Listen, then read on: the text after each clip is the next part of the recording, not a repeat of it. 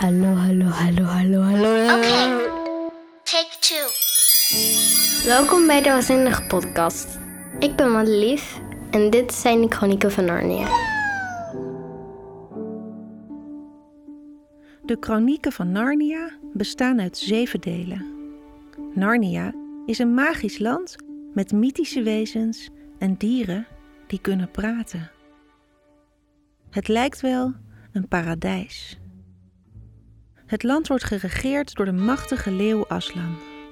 In deel 1 van zeven boeken leer je Polly en Diggory kennen. En in elk boek komen er meer kinderen bij. Ze vechten tegen het kwaad en leren over moed en vriendschap. Zei ik het goed? Waar gaat het volgens jou nou eigenlijk echt over? Over mensen die in een nieuwe wereld worden gezogen. En daar beleven ze allemaal avonturen. Met een gekke tovenaar als oom. Hello, how do you do?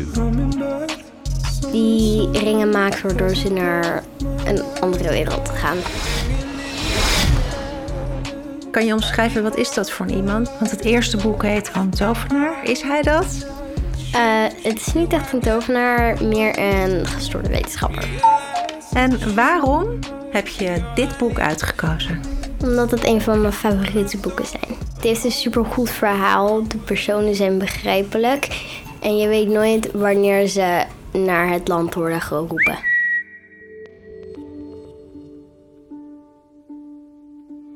Laten we beginnen bij het begin. Eh, nou, in het begin dan wordt er een beetje verteld over de personen. Dat zijn Diggory en Polly. Madelief noemt Diggory J-Crow. Zo leest zij die naam. En Diego's moeder is ziek. En Diego die verhuist hierheen. Naar Londen verhuist hij en daar ontmoet hij Polly. En ze vinden een geheime deur tussen hun huizen in. Achter alle spullen in de zolder. En daar was een hele gang. En wat dachten ze? Wow, we gaan echt een super geheim huis vinden. En een geheime schuilkamer van de militairen of zoiets. En dat gebeurde niet, want ze stonden opeens in de kamer van de oom van Polly. Dat klopt. En wat zagen ze daar? Allemaal gekke proefjes met konijnen en ja, machines, piepende apparaten, stoom, En wat zagen ze nog meer op een dienblad liggen? ringen. Twee, vier mooie ringen. Nou, die oom die kwam zo van, hey Polly, wil je me ergens mee helpen? Toen ging hij ze forceren om de ringen aan te doen. En hij zei van, als je deze ring aandoet, dan ga je naar een andere wereld toe. En deze, dan ga je weer terug. Polly werd de vinger aangeduwd en toen ging Diego erachter. En eh, zou jij dat eigenlijk doen? Als jouw vriend of vriendin naar een andere wereld gaat, zou je dan meteen besluiten om er achteraan te gaan? Ehm, ik zou er eerst goed over nadenken en misschien een paar spullen meenemen voordat ik gelijk naar een andere wereld word geteleporteerd. En waar komen ze dan terecht? Ze kwamen in een soort van tussenwereld naar allemaal andere werelden. Met bossen, vruchten. Alleen als je in een meertje sprong, dat meertje leidde naar een wereld toe. Het is een soort van plek. En die plek is heel misleidend, want het geeft je een soort van gevoel.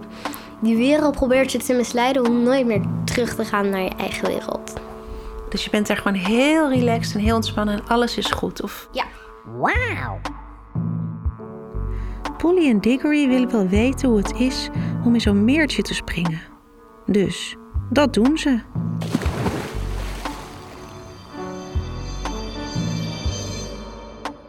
Ze belanden in een uitgeputte grauwe wereld genaamd Charm. Maar zo charmant is het er niet. En een soort van wereld die een hele grote stad is. Eh, wel verlaten, is allemaal ruïnes en zo. En ze gaan een kasteel binnen, waar ze een kamer tegenkomen met allemaal beelden. En een geheime tekst die ze proberen te ontcijferen, dat lukt ze. En er staat: sla niet op de grond of zoiets. En dan probeert Polly Diego eh, te voorkomen dat hij het echt gaat doen. Maar hij doet het toch. En daardoor ontwaakt een of andere gemene heks. Is Polly niet verschrikkelijk boos dat hij dat doet? Heel erg. Echt heel erg. Kan jij je dat voorstellen? Ja. En waarom zou je dan boos zijn als je Polly was? Omdat eh, hij ons hoogstwaarschijnlijk dan in levensgevaar heeft gebracht.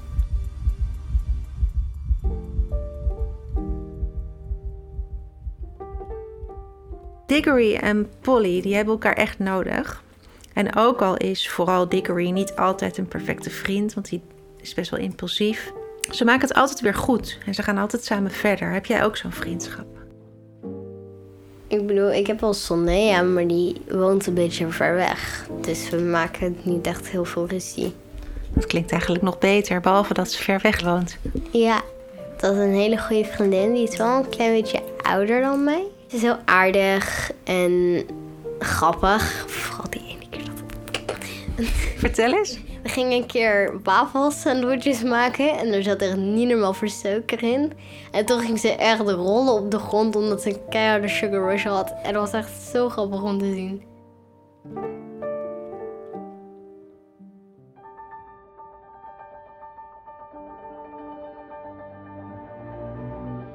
Polly en Diggory zitten dus in Londen met die knettergekke oom en de levensgevaarlijke heks Jadis.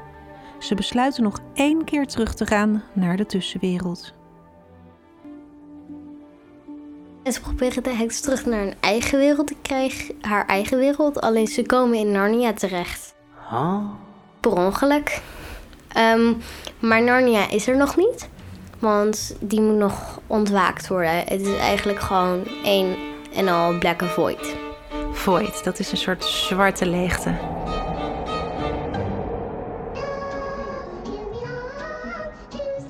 Er komt een leeuw en die gaat zingen.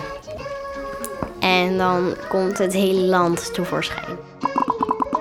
Nou, als de leeuw zingt, verschijnen er steeds meer en meer land. En alle bomen komen tevoorschijn. En dieren groeien inderdaad uit de grond, maar dat is pas als het hele land is gecreëerd. En iedereen en alles kan praten. Ja, En dan hebben we het dus over een magische wereld met bizarre wezens. het zijn allemaal faunen en magische dieren die kunnen praten. Bijvoorbeeld zijn twee hele aardige bevers die ze helpen. En als Lucy het eerste in Narnia komt, komt er ook een hele aardige faun Tumus tegen. En de dieren, die zijn de bewoners van dit land. En ehm, wat is er met Tumus? Het is een bijzondere faun die eh, Lucy helpt. En op zich, hij is niet heel bijzonder. Het is gewoon een faun. Alleen, het is toch Ja, je zegt gewoon een faun, maar wat is een faun eigenlijk? een half geit, half mens. Ik zie heel veel papiertjes in jouw boek zitten. Wat betekent dat? Eh, de leukste stukjes uit het boek. Maar ik denk wel dat het tweede boek vind ik het leukst. Alleen ik denk wel echt van... Bij het laatste boek eindigt de zin me wel zo van... Nee, er moet nog een deel zijn, anders ga ik echt dood. Dus eigenlijk is het verhaal niet af. Ja.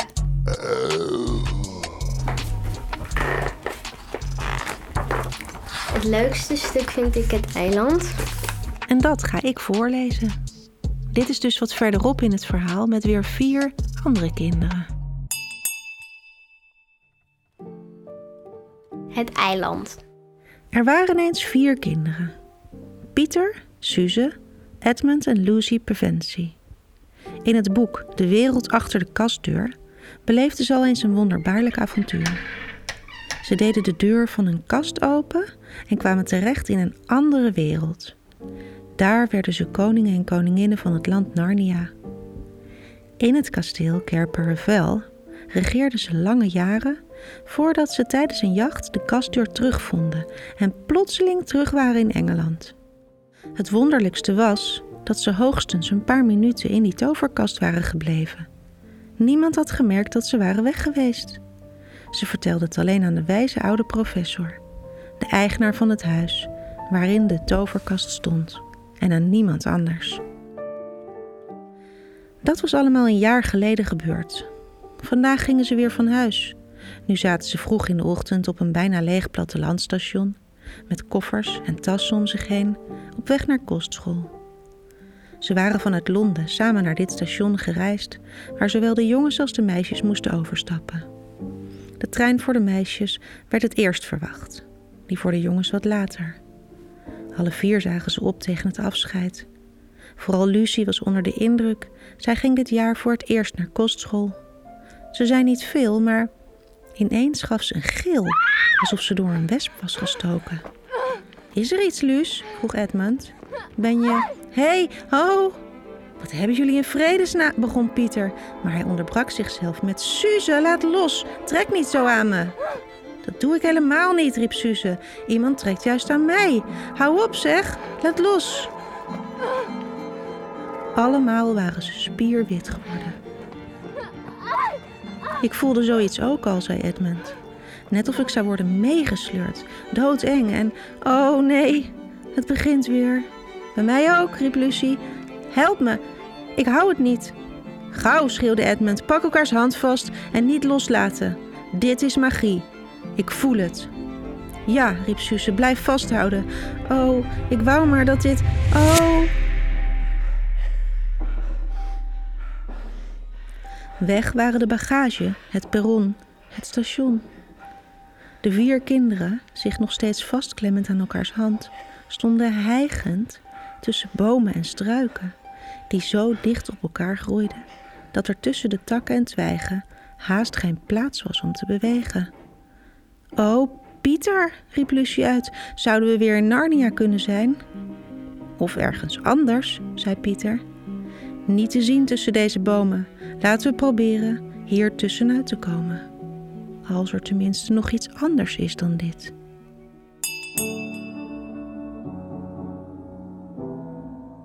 Madelief wil absoluut niet echt naar Narnia. Er is meer oorlog in Narnia dan in de echte wereld, lijkt me. In ieder geval veel grotere. Maar als ze één karakter mee mocht nemen, dan is het Aslan, de leeuw, de koning van Narnia. Nou, het lijkt me wel grappig als ik met een leeuw sta te praten en ze denken echt zo van... Wat de hek ben jij aan het doen? Die leeuw grond gewoon.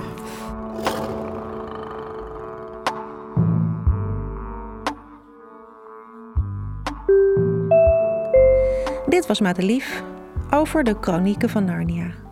Wist je dat je alle zeven delen ook als e-book kunt lezen? Dat kan, gratis dus, met je bieppas op jeugdbibliotheek.nl. Dit was alweer de allerlaatste aflevering van reeks 6 van de Waanzinnige Podcast. Ja, baby, ja! Wij vonden het weer waanzinnig leuk. Wauw! En we hopen dat jij dat ook vond. Is een productie van Studio Popcorn. Studio Popcorn maakt meer leuke kinderpodcasts. Bijvoorbeeld Stokstaartjes. Stokstaartjes. Een podcast voor nieuwsgierige kinderen over wetenschap, De nieuwste reeks staat online en gaat over het oude Egypte. Luisteren kan gewoon via de podcast-app. Bye bye!